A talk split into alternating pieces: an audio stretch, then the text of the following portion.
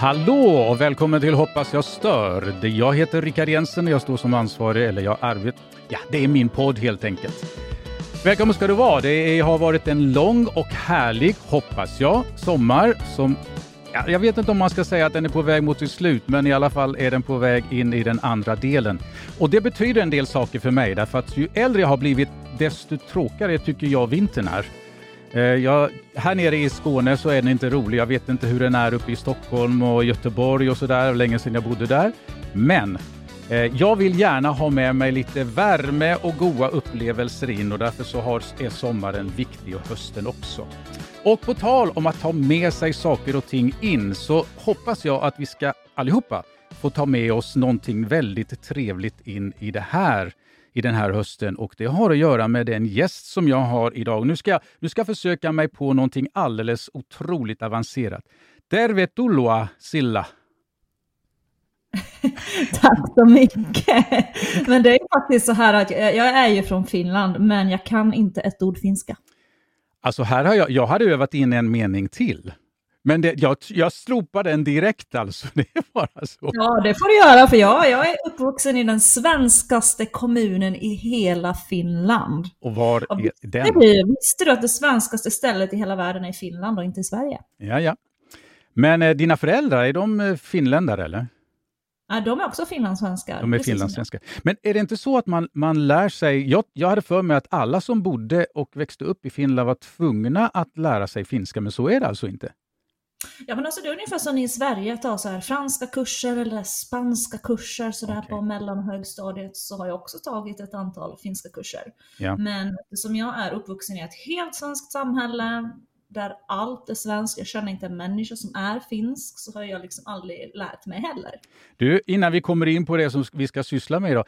eh, Jag läste för någonstans, ganska länge sedan nu, ett par år är det, att det finns en viss motsättning från eh, ska vi säga, de äkta finländarna gentemot er som inte talar finska. Är det, är det så? Jajamän, absolut. Du kan inte liksom jämföra österbottningar, svenskfinländare med finnar. Det är två helt olika kulturer. Så Mm. att vi har liksom vårt eget lilla land där längs med kusten. så när man håller sig på sin kant i landet Ja. så går det bra. Och när du säger vi, hur många, hur många invånare rör det sig om som eh, lever i den eget, eget, det egna lilla landet?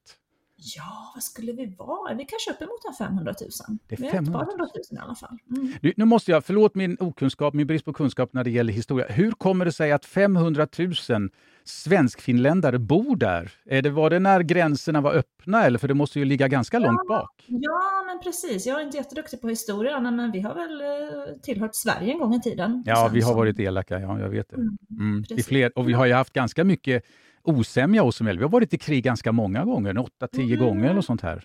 Mm, Mm. Ja, men precis. Och det, det är bara när Finland vinner över oss i ishockey som de här känslorna kommer upp igen. Alltså. jag brukar säga jag kommer ju aldrig bli riktigt svensk. Jag har bott i Sverige nu sedan 2006, men jag brukar säga här, jag kommer ju aldrig bli så svensk så att jag håller på Sverige när det kommer till hockey. Innebandy då? Ja, Jag håller alltid på Finland i alla idrottssammanhang. Mm, för där är ni ju också, det är ju mellan Finland och Sverige ofta som de, och Schweiz också ska man väl säga, som de bästa matcherna står och eh, finaler och semifinaler Mm. och allt det där.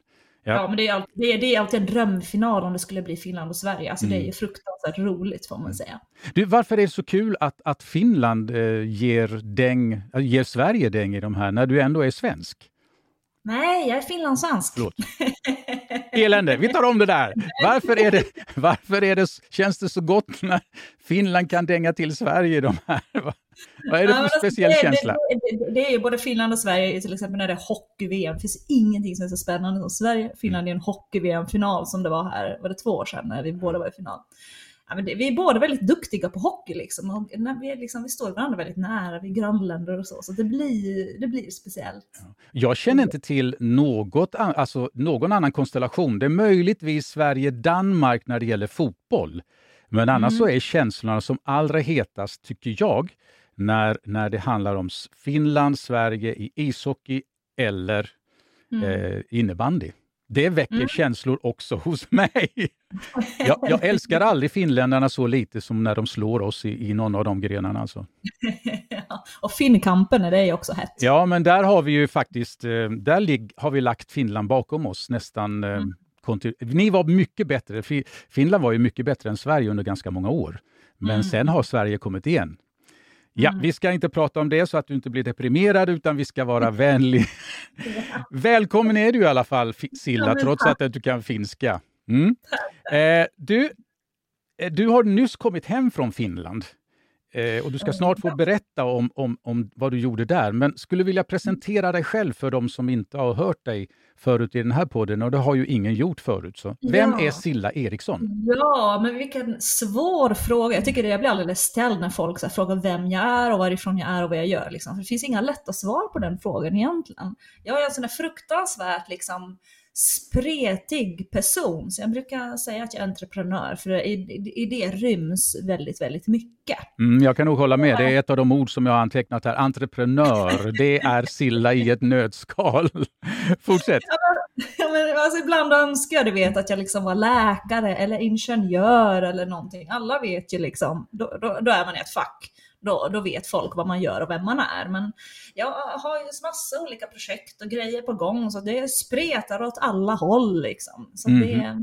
ja, jag vet inte riktigt vad jag ska säga. Du, du, när du arbetar som entreprenör, arbetar du projektinriktat och då är det ju tidsbegränsat eller har du långtgående aktiviteter och projekt, är fel namn att använda då om man har långtgående. Men hur arbetar du? Hur tänker du?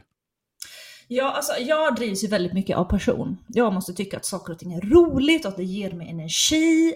Um, så att jag, eh, jag går ju väldigt, väldigt mycket på det. Att det ska liksom kännas bra och det ska vara roligt. Mm. Du, här, på, liksom. här, här kommer en fråga. Hur länge tycker du någonting är roligt när du har tagit dig för det? Det beror jättemycket på också. Alltså vissa projekt tar ju många år.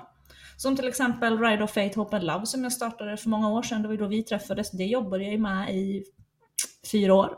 Och det var väldigt roligt under fyra år. Men sen är det vissa projekt som man kanske startar, som precis när coronan kom här så höll jag på med en tv-dokumentär om pornografi. Eh, det blev ingenting av det projektet. Jag jobbade med det och spelade in en pilot i SVT och sen så bara rann det ut i sanden när coronan kom. Och... Så det jobbade jag med kanske ett halvår bara. Mm. Så det är väldigt olika hur det blir och vissa projekt blir inte bra, andra blir bra och då jobbar man länge med det och man känner glädje och så vidare. Så det, det är väldigt, väldigt olika. Det. Hur många bollar har du i luften samtidigt? Mm, just nu så... Alltså det jag brinner för och tycker är mest, alltså är roligast egentligen, det är att föreläsa och predika. Mm. Och göra events, det tycker jag är otroligt roligt. Mm. Och då är vi inne... Det var väldigt svårt under coronan med det. Liksom. Ja, då är vi inne på, när du säger predika, så är det ju kyrkliga kristna mm. sammanhang, för du är mm. personligt kristen. Ja, men precis det, ja. stämmer. Och du och jag, vi har ju egentligen bara träffats en gång. Ja, det har vi. Hemma hos mig.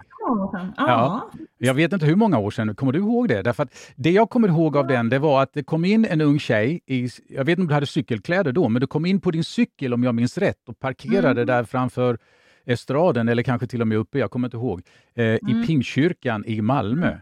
Minns jag mm. rätt? Ja, men det minns du absolut. Jag kommer ihåg den. Varför väljer man att göra en sån entré, Silla? Nej, men alltså det var ju liksom, det var ju projektet jag jobbade med. Liksom. Jag hade startat någonting då som heter Ride of Faith, Hope and Love, där jag genom olika idrottsprojekt skulle hjälpa sex trafficking utsatta kvinnor i Egypten. Mm. Så jag har ju då bland annat cyklat själv genom USA och eh, då när jag var nere i Malmö, så då var jag ute på Sverige-turné, så då hade jag cyklat från Falun ner till Malmö. Och så föreläste jag då längs med vägen. I olika... Så det är ju en bra entré då att komma in på cykeln eftersom jag cyklar genom Sverige. Nej, jag gillar det, för jag är ju själv cyklist så att jag, ja, jag applåderar sådana intro. Du, ja. eh, det här med projekt, vi kommer tillbaka till det här med cykeln alldeles, i att du har många saker på gång. När du var hemma hos oss och åt antingen middag eller kvällsmat så mm. eh, ställde du en fråga till mig. Vi kom in på att prata om ADHD. Mm. Och då, då, eh, jag hade någon synpunkt där eller sa någonting som fick dig att. Kommer du ihåg vad du frågade mig? Nej, du får nog påminna mig. Ja, jag, jag får göra du, hur, hur, upp, hur, hur vad, vad, tror du? Hur tror du att en, att en människa som har ADHD ser ut eller är? Frågade du mig. Kommer du ihåg det? Aha, okay. Och då sa jag, då anade jag på den mm. frågan, så sa jag, ja, ungefär som du. Jaså? Där ser man. Ja, och det var, ju, det var ju därför att du la upp en straffspark tycker jag. Därför att jag anade, aha, ställer man en sån fråga, då är det there's a reason for that. Precis. Ja.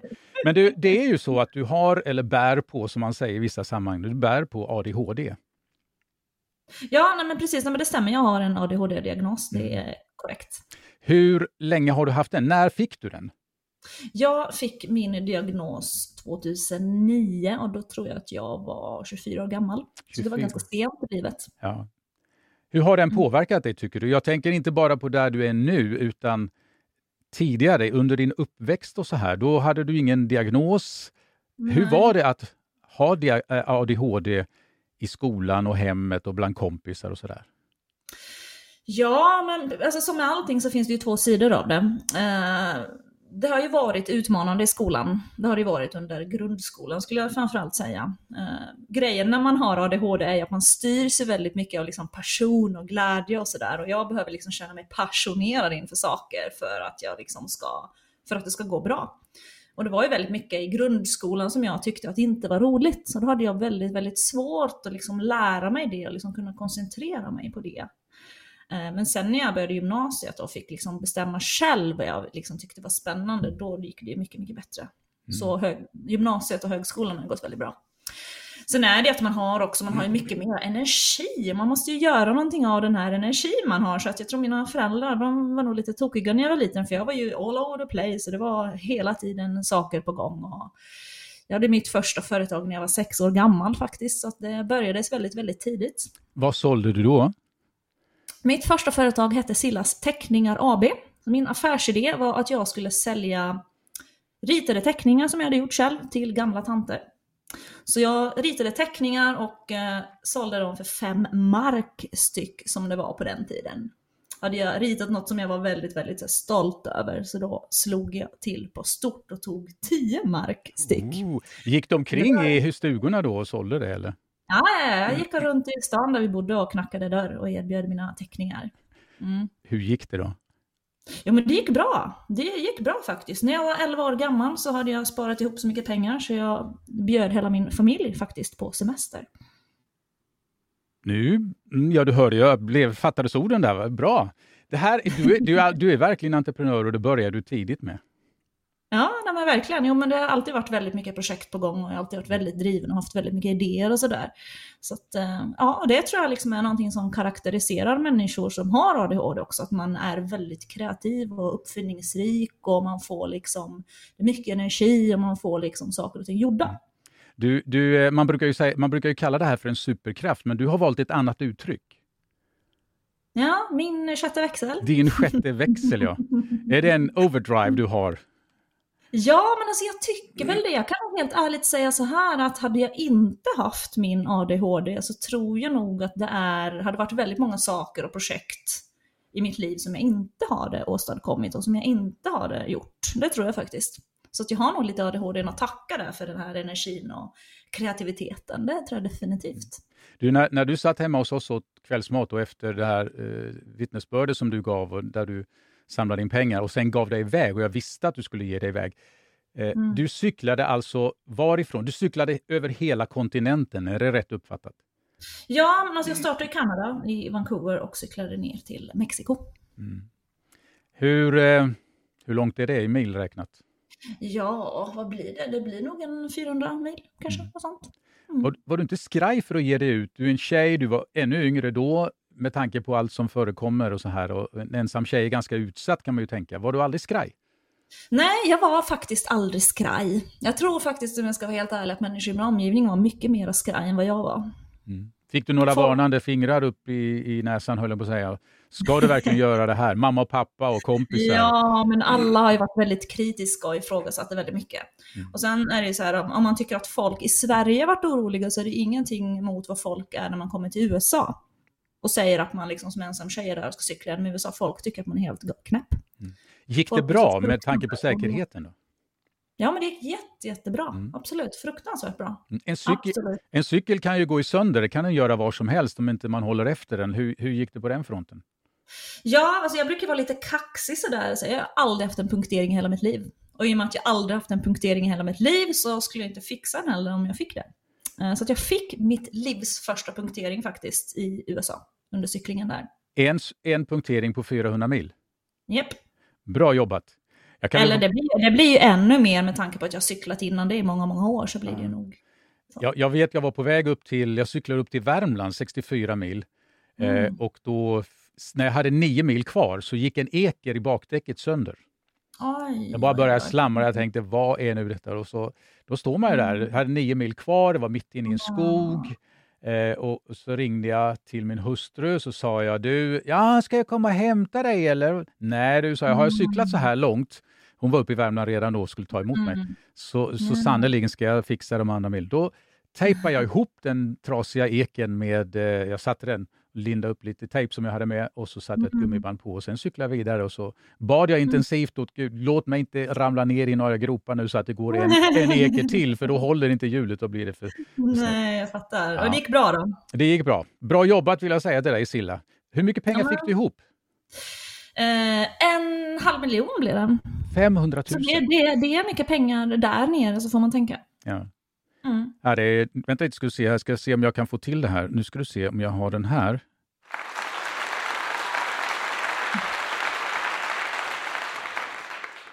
En applåd för Silla. Du, Silla, du Ja. har ju fler, eh, du har fler projekt på gång. Och det Mm. jag tänkte på nu, det var... Och jag, jag har skrivit så här. Du har startat en podd. Mm. Du har två frågetecken Youtube-kanaler, stämmer det? Eh, nej, jag har nog bara en YouTube-kanal nu. Har du bara en? För du hade två innan, eller har jag... Du hade Mm. Ja, Glorious kan- Living. Ja, Glorious Living, det är den jag startat nu, men jag kanske hade någon sen gammalt också. Men det är ingen som jag... liksom Som, som du vill kännas vid. Men sen har du också en som har att göra med en husbil som vi ska komma tillbaka till. Ja, men precis. Det är det som är Glorious Living. Det är då. det som är, ja du ser vad jag kan. Mm. Eh, sen är du också ute och föreläser. Och allt det här, det gör du samtidigt. Ja, alltså samtidigt. Du håller alla de här bollarna i luften. Eh, du har ju den här podden. Mm. Vill du berätta om den? För den är ju lite speciell. När jag, jag har varit inne och tittat, ni har gjort Ja. 70 avsnitt om jag minns rätt. Cirka Mm. 70 avsnitt. Det är ju ganska, Ja. det är ganska många avsnitt. Eh, innan du Ja. svarar på det, vet du hur många avsnitt i snitt en, en som startar en podcast gör innan man lägger av? Nej, jag har faktiskt ingen aning om jag ska vara helt ärlig. Har Nej. du? Sju avsnitt. Sju? Oj, oj, oj. Ja, och sen tröttnar man. Då var man inte så uthållig. jag får nog tacka min poddkollega för det. Sju avsnitt, sen tycker man nej, fy vad jobbigt det här var. Du, berätta om den här kristna datingpodden. Jo, men det var så precis när coronan kom i mars 2020 så var det en som hette P.O. Flodström som hörde av sig till mig. Och eh, ja, vi kände ju inte varandra så egentligen, men vi var ju båda lite så halvoffentliga så att vi visste om varandra. Så att då hör han av sig till mig och undrar om jag inte skulle vilja starta en podd med honom. Där han då tänker att vi skulle snacka om dating och sex och relationer och så utifrån ett kristet perspektiv. Och jag hade liksom lite kommit in och snöat in mig på det där området så att jag var liksom inte sen på att tacka nej. Så att sen efter några veckor så sågs vi i Stockholm eh, på Miss Klara. Och sen så bestämde vi oss för att nej, men vi ska starta den här podden. Så att eh, den podden startades där i mars 2020, precis när coronan hade kommit. Så det var väldigt, väldigt bra timing faktiskt. Så det har gått väldigt bra. Varför väljer man just att, att eh, köra, alltså ta upp det här ämnet med en kristen datingpodd? Vad är bakgrunden till det? För Ni kunde ju ha pratat om whatever, men det blev en kristen datingpodd. Ja, nej, men alltså vi tycker ju så att man pratar ju i kyrkorna och i kristna sammanhang alldeles för lite om de här sakerna. Så att vi tänkte vi behöver en plattform där man kan samtala om de här frågorna för att det görs alldeles, alldeles för lite i kyrkorna idag. Mm. Eh, det här, nu handlar det ju inte här bara om eh, dating, utan ni tar ju upp ganska många ämnen. Jag scrollade igenom, jag har ju inte orkat att lyssna eller hunnit att lyssna på 70 avsnitt. Jag har lyssnat på något av dem. Men ni tar ju upp ämnen som förmodligen skulle upplevas som ganska kontroversiella. Ovanliga och till och med, eh, beror på hur gammal man är, vilket sammanhang man har, så skulle de upplevas som lite chockerande. Mm. Ja, men vi, vi, både jag och P.O. vi gillar ju liksom att skapa debatt. Och Mm. vi gillar att diskutera och vi vill provocera fram diskussioner och debatter. Det är liksom lite de personerna vi är.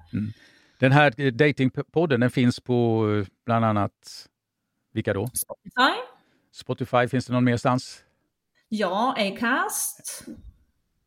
Eh, Podbean, det var väl egentligen där vi startade först. Ja. Så vill man lyssna alltså på Spotify så kan ni gå in och lyssna. Vad heter, den heter Den kristna datingpodden. Kristna, kristna datingpodden, Ja. precis. Så att du som Mm. lyssnar, du kan ju gå in och, och själv göra dig en uppfattning om vad det handlar om och kanske också få, förmodligen med all säkerhet, få ut väldigt mycket av det som sägs där. För ni är ju Mm. ni är väldigt frispråkiga skulle jag vilja säga. Jag, jag Ja. näm- ja, va, va, vad känner ni själva när ni tar upp sådana här saker? För ni, ni går ju ut och vill att folk ska lyssna och då vill ni att Mm. inte minst kristna ska lyssna på det här. Vad, Ja, nej men alltså jag tror att det är väl en del av att det liksom har gått så bra ändå, att vi är väldigt frispråkiga och vi, liksom, vi kan ta upp och vi kan prata om personliga saker. Jag, jag, tror att liksom, jag tror att man gillar sådana avskalade, nakna samtal där man liksom är autentisk och där man liksom verkligen vågar dela med sig och samtala om de här sakerna. Jag tror att många kyrkan idag saknar de plattformarna. Man, man, man känner ett behov av det. Jag tror speciellt liksom de som, som lever som singlar idag funderar väldigt, väldigt många, mycket på de här sakerna vi tar upp. Men man känner kanske inte att man liksom har något sammanhang riktigt vart man känner att man kan samtala om de här sakerna. Så att, eh, jag tror att det fyller en funktion eh, för väldigt, väldigt många.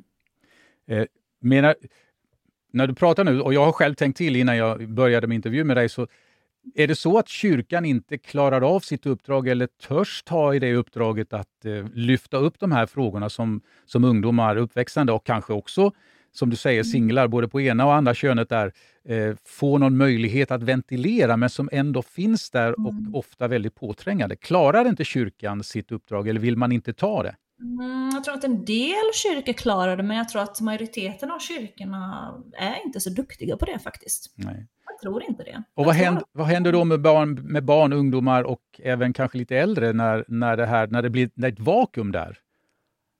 Ja, men alltså då väljer man ju, tror jag, att gå utanför kyrkan för att få information och samtala om de här sakerna. Och då, det, det kan jag tycka att det blir fel. Jag tänker att ungdomar, och vuxna också för den delen, inte ska behöva söka sig utanför kyrkan för att liksom kunna få information och känna att man kan samtala om de här sakerna. Jag tycker att man behöver kunna göra det i kyrkan också utifrån kristna värderingar. Vad har, du fått för, eller vad har ni fått för respons på den här podden? Den kristna Ja, men datingpodden? responserna, den har ju varit väldigt, väldigt bra. Liksom. Medierna har skrivit och vi har liksom fått väldigt bra respons. Och vi har gjort lite event också. Vi hade en lilla julfest här utifrån Kristna Datingpodden också. Där vi samlade de som lyssnade på podden tillsammans. För att komma tillsammans och käka middag och fira jul och sådär. Det, ko- det kommer en fråga och det kanske låter som en upprepning, men hur har reaktionerna från kyrkans ungdomar och kyrkans eh, lite äldre också, i din ålder och kanske ännu äldre, hur har den varit? Vad har ni fått för respons där? Alltså det är ganska olika skulle jag säga. En del tycker att det är jättebra, men det finns ju också de som inte tycker att det är så bra, som sågar det. Eh, Vi, vi gör ju det här i samarbete med kristendate.se Mm. och den plattformen, där är det ju väldigt mycket äldre. Och det, är liksom, det har varit väldigt mycket sågningar där och det är ju folk som säger att vi är fulla med demoner och att vi är från djävulen och allt möjligt. Så att jag kan säga att vi, vi har fått höra hela spektrat av saker. Allt från att vi är fyllda av demoner till att liksom Gud välsigne er, ni behövs så mycket. Så det är hela allt, allt här emellan liksom. Men det, det låter ju som en generationsfråga här. Ja men lite så. Jag tror att liksom yngre, alltså under 40, det, tycker att det här är jättebra. Men den äldre generationen är fortfarande kanske lite så här att nej men de här sakerna ska man inte prata om liksom offentligt så. Det är nej, Mm. det är inte riktigt, riktigt rumsrent och det är inte riktigt okej. Jag, jag kan ju ana varför man tänker så, därför att man, lever, man har levt i den här, ska vi säga, lite striktare och ibland mycket striktare uppfostran där man kunde inte säga eh, ordet sex utan att folk rodnade. Och sen så har man levt med det, att man tar inte till sig, man finns inte, det finns inga egentliga källor som är rumsrena, det finns inget sammanhang att diskutera det man har fått uppleva. Och så, så står man Mm. där och det är svårt att göra sig av med den, med den uppfattningen. Och då kanske det blir som du säger här, att man, Mm. man tycker att wow, det här låter demoniskt. Är det de egna demonerna som man, som man är rädd för? eller? Jag har ingen aning faktiskt vad man är rädd för för demoner. Men demoner känns inte riktigt som min grej, men jag skulle gissa att det är de egna demonerna. Alltså jag, jag menar då alltså de, de egna spökena, alltså jag använder ordet, man brukar säga så. De egna spökena, de egna upplevelserna från att det här är tabu som är Mm. så svåra att göra sig fria ifrån. Ja, men förmodligen är det så. Definitivt, det tror jag. Mm. Du, när du är ute och pratar eh, och har föreläsningar som du kallar det för, Mm. hur, vilka sammanhang är det? Oj, det är också jätteolika. Jag var i Finland förra veckan på ett, ett kristet läger. Så där så pratade jag, eh, dels predikade jag, sen hade jag också en, ett, ett kristet sammanhang, men eh, ja, det är mycket kristna sammanhang, så är det ju. Men jag har en tanke framöver att jag skulle vilja vara ute mera i skolor. Det har det känts, känns väldigt värdefullt faktiskt att få vara ute och prata för barn och ungdomar. Mm. Då har du ju en, eh, någonting att visa till, alltså rekommendera din podd och, och förklara varför du gärna vill komma ut i skolan. Hur skulle du lägga upp en sån grej när du kommer till icke-kristna skolor? Hur skulle din approach vara där? Ja, alltså jag har ju många ingångar också, men jag, jag brinner ju ganska mycket för det här liksom med självkänsla och att acceptera och älska sig själv. För det är också någonting som jag har brottats med. Jag hade väldigt svåra ätstörningar när jag var så yngre. Mm. Skulle jag få förändra en sak i mitt liv så skulle jag eh, äta. Du Det skulle, låter som en väldigt basic grej sådär, men skulle jag få förändra en sak, ja men det har förstört så mycket i mitt liv Mm. att jag inte har gjort det. du, Så att, eh, eh, har du vägarna ner mot Malmö någon gång så kontakta mig så ska jag se om jag kan få in dig på vår skola, för jag arbetar ju på Europaportens skola fortfarande. Eh, Ja, det gör Ja, Mm. så då kan du, kanske vi kan få in dig där så att du får föreläsa. Jag kan kanske Mm. hjälpa dig med andra skolor också där du kan få komma in. Mm, mm, just det.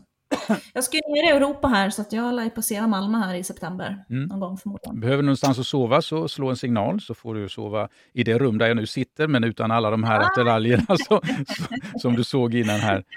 Eh, Ja. Du, du eh, det här med singelstatusen i den, den Mm. kristna församlingen, Mm. den, den tar du upp, eller den tar ni upp flera gånger i, er, i era avsnitt. Mm. Varför tar ni upp det med, inte en relativ frekvens, men den finns där, det är ett återkommande tema. Mm. Varför? Nej, men alltså, vi, vi, vi, känner väl lite grann så här att singlar i församlingen glöms bort lite grann. Men det är inte alltid liksom att man känner sig inkluderad. Det kan jag känna. Jag har ju levt som singel under en stor del av, av min tid som kristen.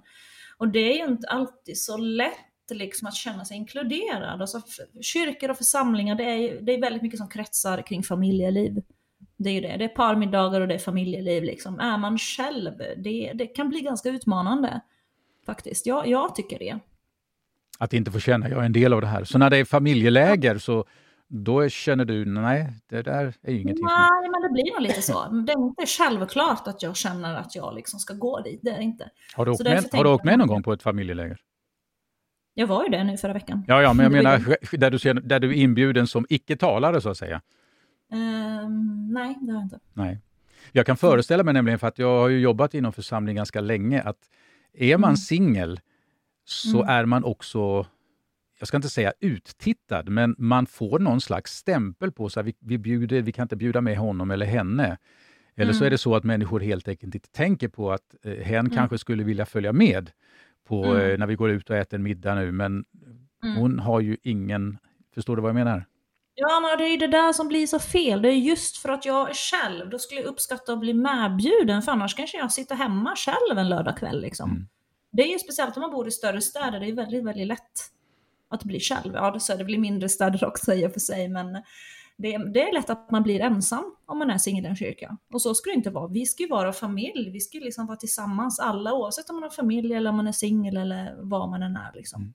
Du, jag, jag såg i en av introduktionerna eh, i, texten så där ni presenterar innehållet i, en, i er podd, så, så sa du så här att du kände, det står Silla i tredje person, Silla känner att killar utanför församlingen har behandlat henne bättre än killar Ja men, det står, ja, men det står jag fortfarande för. Jag tycker att män utanför kyrkan är, behandlar mig bättre. Jag tycker att de har väldigt lätt, de har lättare för att liksom förstå sig på en kvinna och de har liksom, det är liksom ett annat mindset. Jag tycker att, kyr, att, att killar i kyrkan kan vara lite väl taffliga om jag ska vara helt ärlig. Ah, Alltså du kommer inte undan med det uttrycket bara. Vad betyder taffliga i din värld?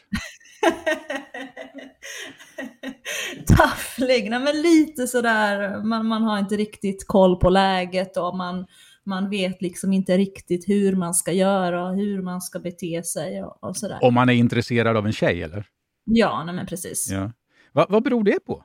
Är vi för, är vi för outbildade? Är det det här tabuet som... Ja, men jag tror det. Jag, jag, jag, tror det. Jag tror att man liksom ända sen, att man har fått, man har blivit fostrad lite så i kyrkan, för att det är, man ska inte vara för på liksom och man ska liksom be till Gud om vägledning och han kommer öppna dörren och liksom, jag menar, du måste ju själv ta initiativ. Det är inte liksom så att Gud kommer inte ställa någon framför dina fötter och säga du ska gifta dig med den här personen. Du måste ju själv vara beredd att göra jobbet liksom. Så är det ju verkligen. Men jag tror att väldigt många i kyrkan tänker så här att ja, men nu ska jag be till Gud om att träffa rätt man eller rätt kvinna och så förväntar man sig bara att drömprinsen ska så här, flyga in genom fönstret här utan att jag behöver anstränga mig på något sätt. Men så funkar det ju inte. Även vi kristna så måste ju liksom, vi måste ju själv välja en partner. Gud kommer inte göra det. Eh, Okej. Okay. när, det, när, det, när, det, när det, det finns ju ett problem här också för många. Det är att det är betydligt fler kvinnor än män i Precis. Ja, och det här har vi ju pratat om väldigt mycket också. Att det, vi kvinnor är i numerärt överläge. Så att eh, det går ju tre kvinnor på en man eller vad det är i storstäderna. Mm. Så det är också ett problem. Så då kan man ju också fundera väldigt mycket över det här. Liksom. Ja, men, man kanske ska träffa en man utanför kyrkan. Då är det verkligen Måste han verkligen vara kristen? Det kanske går lika bra med en sekulär man. Det funderar jag jättemycket på. Har du kommit fram till något svar? Därför att om man, ah, så här ser jag det, det finns ju undervisning om det här också i Nya Testamentet. Man ska inte ge sig lag med en som inte har samma tro, om vi använder vårt moderna språk. Samtidigt så säger det att man ska ha en speciell gåva för att leva ensam om man hårdrar den undervisningen. Det tycks ju säga emot varandra. Hur tycker ja. du att kvinnor som då inte hittar någon livspartner, hur ska de, hur ska de te sig? Vad ska de göra? Är det okej okay mm. att gå ut och kanske till och med be Gud om att ge mig en man för jag längtar så oerhört efter mm. att ha en gemenskap på det här sättet. Hur, ja. hur ska man göra där, tycker du? Ja, alltså, jag tror att där måste man, det finns ju inget svar som är rätt för alla, utan jag tror att där behöver man ju själv liksom be till Gud och man behöver själv fundera igenom. Men jag, jag tänker lite allmänt kanske så här då, eftersom vi kvinnor inte, eftersom männen inte räcker till alla kvinnor i kyrkan, så tänker jag så här att nej men, jag gifter mig då hellre med någon som inte är kristen ut, om jag får välja på att leva själv. Jag skulle, för mig är det inte ett alternativ att leva själv. Jag, jag tror inte att jag skulle må bra av det. Så då gifter nog jag mig hellre då med någon som inte är kristen. Så tänker jag. Men alla kanske inte tänker så. Har man gåvan att liksom leva själv ja men det är många som har det. Det finns verkligen dem. Så då är, då är det ett alternativ, absolut. Men jag tror inte att jag har det. Så måste jag välja mellan att leva själv eller att gifta mig med någon som inte är kristen, så väljer jag nog alternativ två. Därför att, att leva själv i ditt fall, och kanske i många andras fall också, det skulle, inte, mm. det skulle vara outhärdligt. Är det ja, så jag ska tolka jag, det? Ja, men jag tror inte att jag skulle vara lycklig av det. Jag, jag, jag behöver liksom leva nära någon. Jag tror mm. att det är viktigt för mig. Får jag, får jag, följa lite, får jag gå lite till på den, med, den, mm. med den tråden? Hur mm. gör du då, jag menar din, din, i dina böner och din, ditt umgänge med Gud i förhållande till eh, vad bibelordet säger och din längtan som ju är helt legitim. Hur, hur mm. går du tillväga för att möjligtvis hitta en utväg och en ingång till en gemenskap som, som håller och som känns meningsfull och som du kan, där du kan bevara din tro? Hur gör du då? Ja, men alltså, sen, sen är det också så här, vem är kristen? Det är ju inte alltid en jättelätt fråga heller. Ibland tycker jag att man kan träffa människor som säger att de inte är kristna, som i själva verket är betydligt mer kristen än en person som säger sig vara kristen. Så det är liksom, vad, vad lägger man i begreppet kristen? Vem är det egentligen? Mm, det är inte att gå till samma församling menar du? Nej, men alltså det, finns ju, det finns ju människor som inte går till en kyrka som mm. säger sig vara kristen. Mm. Otroligt fina människor, liksom, otroligt bra värderingar och fina egenskaper och så vidare. Eh, men mycket bättre värderingar och egenskaper än vad någon som säger sig vara kristen mm. är. Jag menar någonstans, man får också fråga sig själv, men vad är viktigt för mig? Alltså för mig är det ju viktigt att ha någon som behandlar mig väl och som får mig att må bra. Och där man delar värderingar. Det har, är viktigt för har mig. Vi gjort, har vi gjort försam eller det här kristenbegreppet, har vi satt ett likhetstecken mellan det och att tillhöra en församling och gärna samma kyrka som jag själv gör? Ja, men så kan det nog vara. Men jag menar, man, det finns ju kristna som inte har någon kristlig gemenskap eller som inte är medlem i någon kyrka. Mm. Jag är ju betydligt äldre än vad du är och jag vet ju att förr i tiden så kunde man faktiskt bli utesluten ur en församling om man gifte sig med någon eller gav sig i lag Mm. med någon som inte var kristen. Mhm. Det låter ju, jag tycker att det låter hemskt. Mm. Så var det nämligen att man kunde bli, och det var ju en helt annan tid och det var stringent och, och strängt på alla sätt och vis. Men då kunde man alltså förlora sitt församling, sin församlingsgemenskap om man Mm. nämligen gifte sig. Jag vet inte hur vanligt det var, men jag vet att det förekom. Idag skulle Mm. man ju aldrig, i församlingen skulle man aldrig komma dit hen. Men jag skulle kunna Mm. tänka mig att någon, någon skulle ta, vilja ta ett allvarligt snack med en, så att det finns ju kvar. Ska du verkligen Mm. gifta dig? Och då kanske man, man får Mm. förhoppningsvis tro att det är en, en kärlek och en omtanke om individen i fråga Mm. som man pratar med. Då. Men eh, det, det skulle vara väldigt roligt att höra dig på plats här nere. Jag, jag ser Mm. framför mig nu ett, en, en samling med flera olika församlingar där man tar upp de här frågorna och där du Mm. får en chans att både förkunna eller föreläsa och sen också ha ett samtal där man kan gå in de här. Och alla som är över en viss ålder inte får vara med. Så att det kan bli frispråkigt på, på alla sätt och vis. ja. Nej, men vi, vi behöver ju sådana plattformar. Jag, jag tror att det är jätte, jätteviktigt att ha det. Så det, det vore jätteroligt. Ja. Absolut. Alltså allting annat kan jag tänka vore ju ett svek mot den uppväxande generationen och den generation som ligger i ditt åldersspann där. Va? Så att jag, Mm, jag mm. håller verkligen... Och om det är så att du skulle vilja komma ner till Malmö så ta kontakt med mig så ska jag försöka Mm. och, och inspirera och, och lobba lite grann för Mm. det. Mm. Ja, ja. Är det något mer du vill säga om den här kristna datingpodden som, som alla kan lyssna på? Alltså, den finns bland annat Ja. på Spotify. Kanske lättast att hitta där. Ja, Spotify är lättast. Eh, ja, vad ska jag säga? Nej, men, nej, men det, det är viktiga ämnen. Jag hoppas att vi kan fortsätta att samtala om de här sakerna. Mm. Eh, det, det behövs. Jag tror att det blir ännu viktigare liksom, när man kommer ner i åldrarna här också. Liksom, för att Mm. samhället förändras också så mycket. Så jag tror att det är väldigt viktigt att vi, att vi inte tappar bort de här barnen och ungdomarna som växer upp i kyrkan så att de börjar leta sig utanför kyrkan. Utan att vi kan erbjuda de här plattformarna för barn och ungdomar i kyrkan också. Du, om vi nu lämnar det ämnet och så talar, om jag säger namnet Bombelina. Mm. Oh, vilket, nu ser ju inte ni som lyssnar. Ni ser, eh, Silla och jag, vi ser varandra på en, en video Ja. här. Där vi ser varandra. Eh, Men det gör inte ni, men hela hennes ansikte ly, lyste upp där. Vad är Bombelina? Ja men Bumbelina är ju mitt nya hem faktiskt. Mm. Jag flyttade in i Bumbelina här nu för några veckor sedan. Ja, Va, Mm. vad, men vad är det? Det är alltså en... Ja, det är, alltså jag köpte en Volkswagen Crafter i januari som jag har byggt om till en liten minilägenhet på jul. Mhm. Så att jag ska resa runt i den. Är, det en hu, är det en husbil eller hur ska, är det min, Ja, men, ja, man kan säga det är en husbil. Men du, ja. du verkar gilla minilägenhet bättre. Ja, jo, men jag gillar det. För husbil, jag tycker att husbil har ingen bra klang tycker jag. Hur jag skulle, ah, husbilar, då tänker folk på en sån där stor eh, vit eh, grej liksom. Som är jättetråkig och inte alls charmig. Och, och din är varken, eh, den är inte tråkig och den Nej, är den är charmig. rolig. Ja, den är rolig och jättecharmig och Ja. ja. ja, det ser inte ut som en husbil. Du, det, det, nu vet jag, nu vet jag att du är entreprenör, men när fick du den här idén? Ja, men jag fick nog den här idén under coronan. Jag hade det ju väldigt lugnt här under coronan ett tag och jag hade inte så mycket att göra. Och sen började jag följa många som lever vanlife på YouTube och så tänkte jag, men gud så intressant, gud så spännande. Att köra runt med en bil liksom så här och så kan man bara stanna liksom och freecampa, man kan stanna på en strand eller man kan stanna på foten av ett berg där man tycker det är fint och så sover man där i några veckor och liksom det är så spännande och charmigt och man möter så mycket människor liksom. Och jag älskar ju att ha den här friheten liksom. Jag, mötet med människor är någonting som jag tycker är så spännande. Jag älskar att möta människor och uh, få höra människors historier. Och, ja, det är någonting som du och jag delar, det gör ju du också. Men du, var, var kommer du ha din adress då? Jag kommer nog att ha kvar den um, här i Stockholm. Mhm. För nu bor du i en, hur stor är lägenheten du bor i? Ja, men nu bor jag i en, en etta här på Östermalm i Stockholm. Så jag kommer hyra ut den här lägenheten i andra hand. Mhm. Och du, jag var ju inne och tittade på, på din, vi är ju vänner på Facebook och jag, du hade fått ganska många förfrågningar där va? Ja, men det är faktiskt en missionär från USA som hon ska kolla på lägenheten ikväll. Vi ska köra lite Facetime så att det kanske blir så att hon flyttar in här.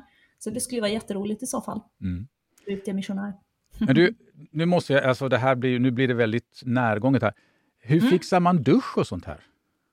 I Bumbelina? Ja? Ja, vi har en campingdusch. Ja, ja. Mm, du- Duscha, jag, jag funderar väldigt, väldigt mycket på det här om jag skulle ha ett badrum inne i bilen eller om jag skulle ha utedusch. Och det blev en utedusch. Men Så om det att nu blir duschar 10 grader eller- kallt i Stockholm, eller där du är, Ja. hur gör du då? Ja. Ja, nej men, man, ja, nej, men, det, nej, men det, det är bara att ställa sig ut och duscha. Det är inte så mer komplicerat än så. Det där, det där tycker jag är silla i ett nötskal. Man ska inte komplicera till Nej, precis. Nej, och du, jag har, nu måste jag bara titta här, för jag har jag antecknat här i början, när jag gick igenom det här, Mm, förberedelse, mm, göra livet lite enklare är en av dina, en av dina Ja, men alltså, ja, men alltså så här. Jag tror, alltså jag är ju minimalist. Och jag tror att de flesta människor i Sverige lever alldeles för komplicerade liv. Jag tror ju någonstans på att vi behöver skala ner och liksom göra livet enklare. Vi behöver liksom komma ner till kärnan och fråga oss själva, nej men vad är egentligen viktigt? Jag tror att det finns en enorm kraft i enkelheten. Men tyvärr så är det väldigt många människor som ser, ner just på kraften i enkelheten för att det liksom är så enkelt. Och det är lite att vi ser ner på allt som är enkelt. Mm. För att vi vill gärna att saker och ting ska vara jobbigt att göra, det ska vara komplicerat och svårt att förstå och så vidare. Liksom. Så att eh, det blir lätt att man nedvärderar det enkla. Mm. Men, men vad, jag- vad är fördelen med att se, se allting, göra allting lite enklare? Vad är, vad är styrkan i det? Ja, men man får ju mera tid, du får mera energi, du får mera pengar till att göra saker som du verkligen brinner för och saker som verkligen är viktigt för dig. Men om nu, det, om du nu sitter med tre barn och, och ett jobb och ska ha, alla barnen ska till olika förskolor och sånt här. Vad, Mm. Hur skulle man då göra, nu, är jag lite, nu, nu hårdrar jag, men Mm, hur gör man, Mm. och du har en villa och hund och dessutom en Volvo! mm. Hur gör, man, hur gör man livet då? Köper en Volkswagen istället eller hur gör man det lättare? Nej, men alltså det, det finns alltså, nu, nu är den, nu är min livssituation ser ju lite annorlunda ut, jag har inga barn och så. Eh, men det, det är klart, man kan ju alltid förenkla livet. Så man måste ju utgå från vem, vem man själv är och den familjen man, man är i. Liksom. Mm. Och det är olika saker, det är vik, viktiga för olika människor. Så. Och kanske också för olika alltid livsskeenden också. Ja, nej men absolut. Det beror helt på hur, hur, hur livet ser ut. Har du funderat på vad den vanligaste fällan, vad, vad, den är, vad det är för någonting? För när vi, gör, när vi komplicerar livet, vad är den vanligaste fällan eller någonting som Jag du tror, ser? runt jag, tror, jag tror den absolut vanligaste fällan är att vi har alldeles för mycket saker. Vi har är otroligt fäst vid materiella saker. Och jag har funderat väldigt mycket på det här. Liksom. Ja, men vad är det egentligen vi behöver? Alltså om man verkligen börjar tänka på det här. Vad är det egentligen vi behöver? Jag har landat i att det som jag behöver, jag behöver lite kläder, jag behöver lite skor, jag behöver min dator, jag behöver min poddmick, Yeah! kamera, jag behöver lite mat. Jag menar, jag, jag klarar mig på det. Mm. De flesta människor klarar sig på det. Man behöver inte ha liksom tonvis med prylar. För det tar liksom upp kapacitet i vår hjärna, det tar av vår energi, det tar av vår tid och sen har vi liksom ingenting av det kvar sen till att investera i saker som verkligen känns viktiga för oss. Och det tar, ju, det tar ju ekonomi också. Ja, gud ja, det gör det ju verkligen. Man tjänar jättemycket både ekonomi och tid och energi på att skala ner sitt liv. lite. Om du, om du nu står framför en som du har fått, du har varit ute och föreläst och så kommer någon och så säger de du Silla, jag skulle vilja prata med dig om det här att göra en, livet Mm. lite enklare. Vilka tre Mm. punkter skulle du ge en sån människa? Hon har, eller han har, två barn, eh, välbetalt Mm. jobb, en fru Mm. som jobbar halvtid någonstans. Mm. Vad skulle du ge för tre råd? Det beror ju på vad målet är. Många idag har ju målet att bli ekonomiskt oberoende och gå i pension i 40. Har man ett sånt mål, då skulle jag kanske tänka lite ekonomiska mål. Uh, leva enklare. Men jag tänker liksom, någonstans första tipset tror jag nog skulle vara liksom att rensa ut. Rensa ut prylar. Sälj av det man inte använder. Um, sälj huset kanske, sajsa ner lite grann, gör det lite enklare.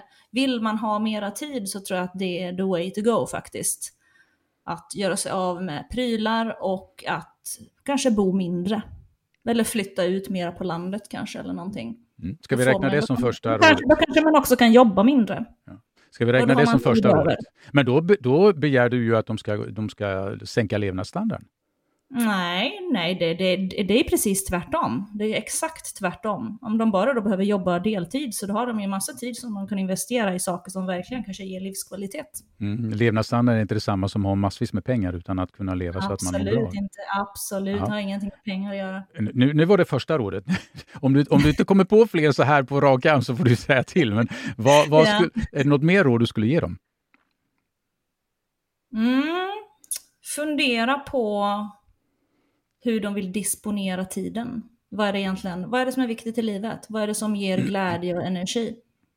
Och se till att frigöra tid för det. Men man kan ju tycka att kristna borde ju ha lättare för det här.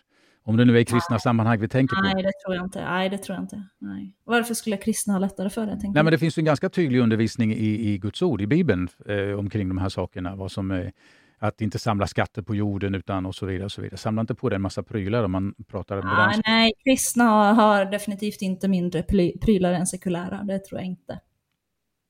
Vad beror det på? Om jag får fråga en dum ja, fråga. Alltså, det, ja, alltså det, det, kan man definitivt fundera på.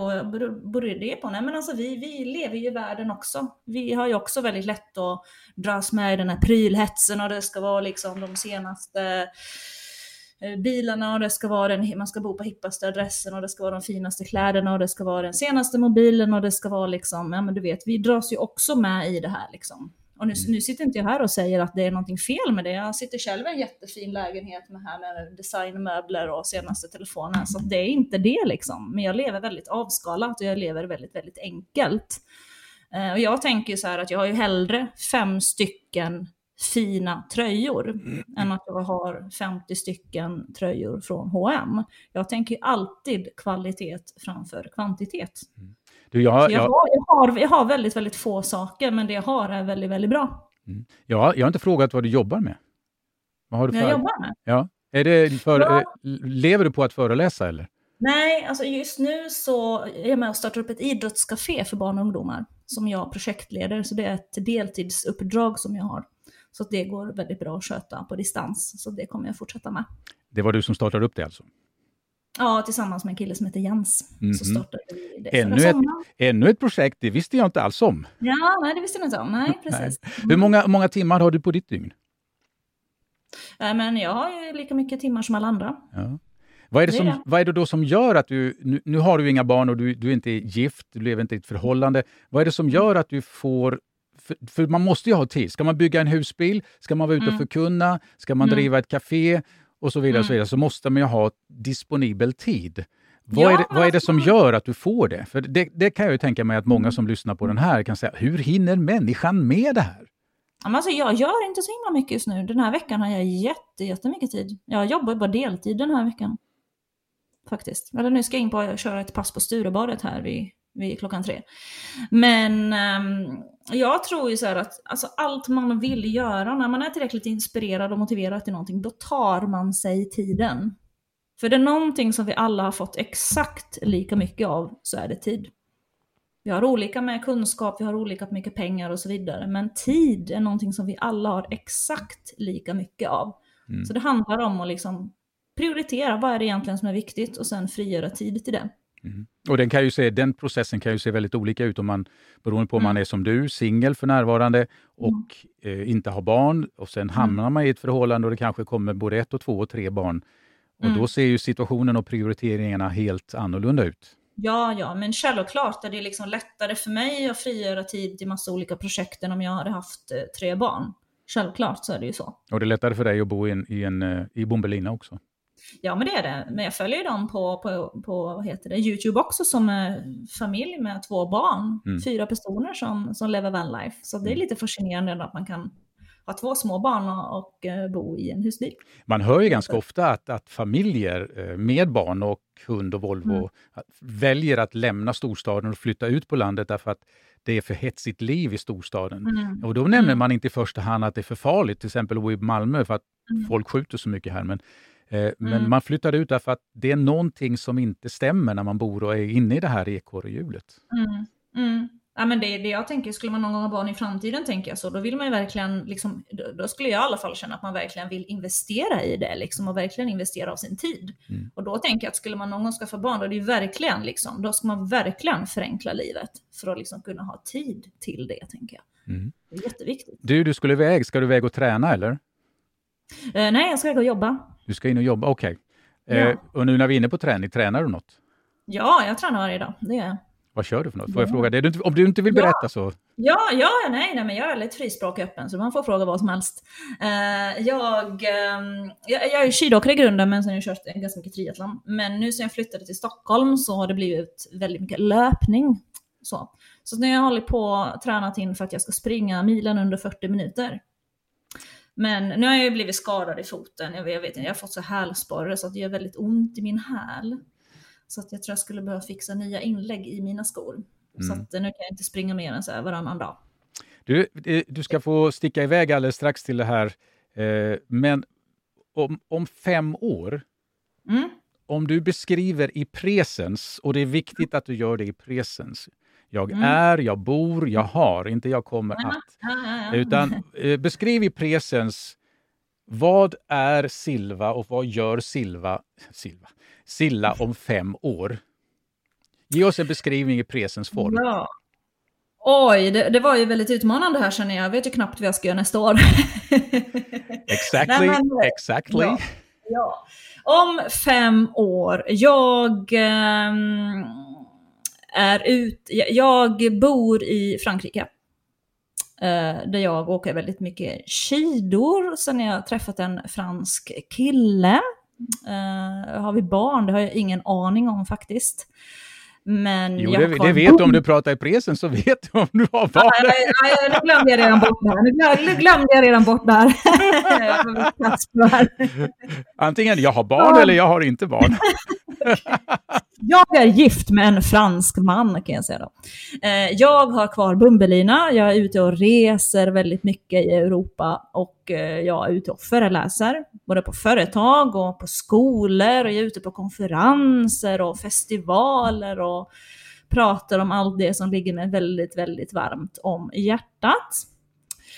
Jag har byggt ett tiny house också. What's Jag har, that? jag, har, jag, har, jag, har byggt, jag har byggt ett tiny house som jag har i Kalifornien.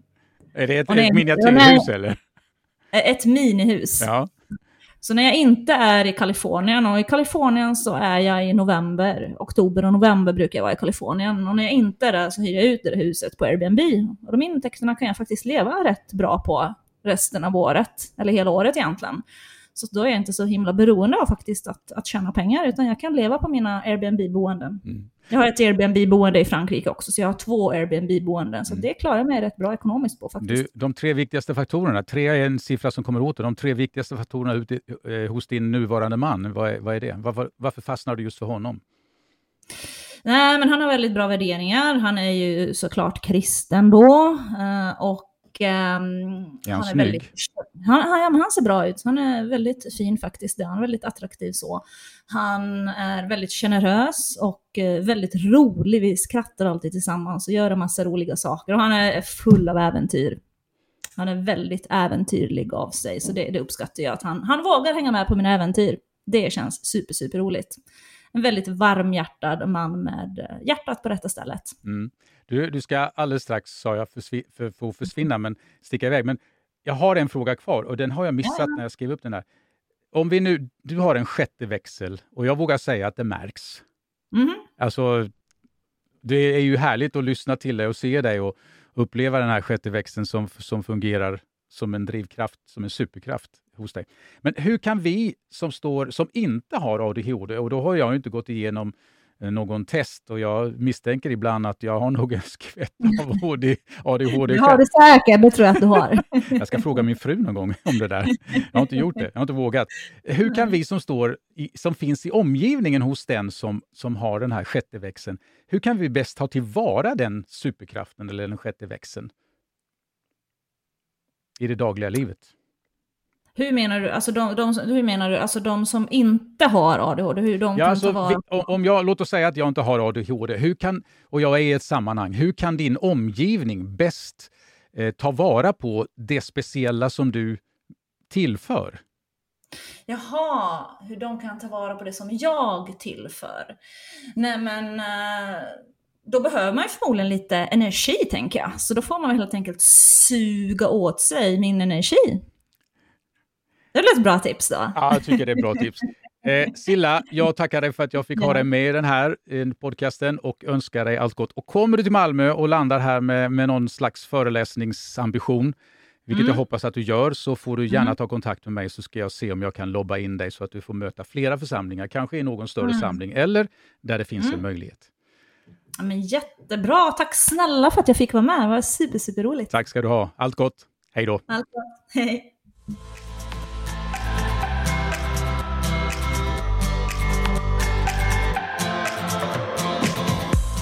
Det där var Silla Eriksson som eh, just har kommit hem ifrån Finland och du eh, lyssnar till Hoppas jag stör med Rickard Jensen. Vi är tillbaka igen, eh, hoppas jag, om en vecka eller kanske två. Man vet aldrig riktigt i de här tiderna.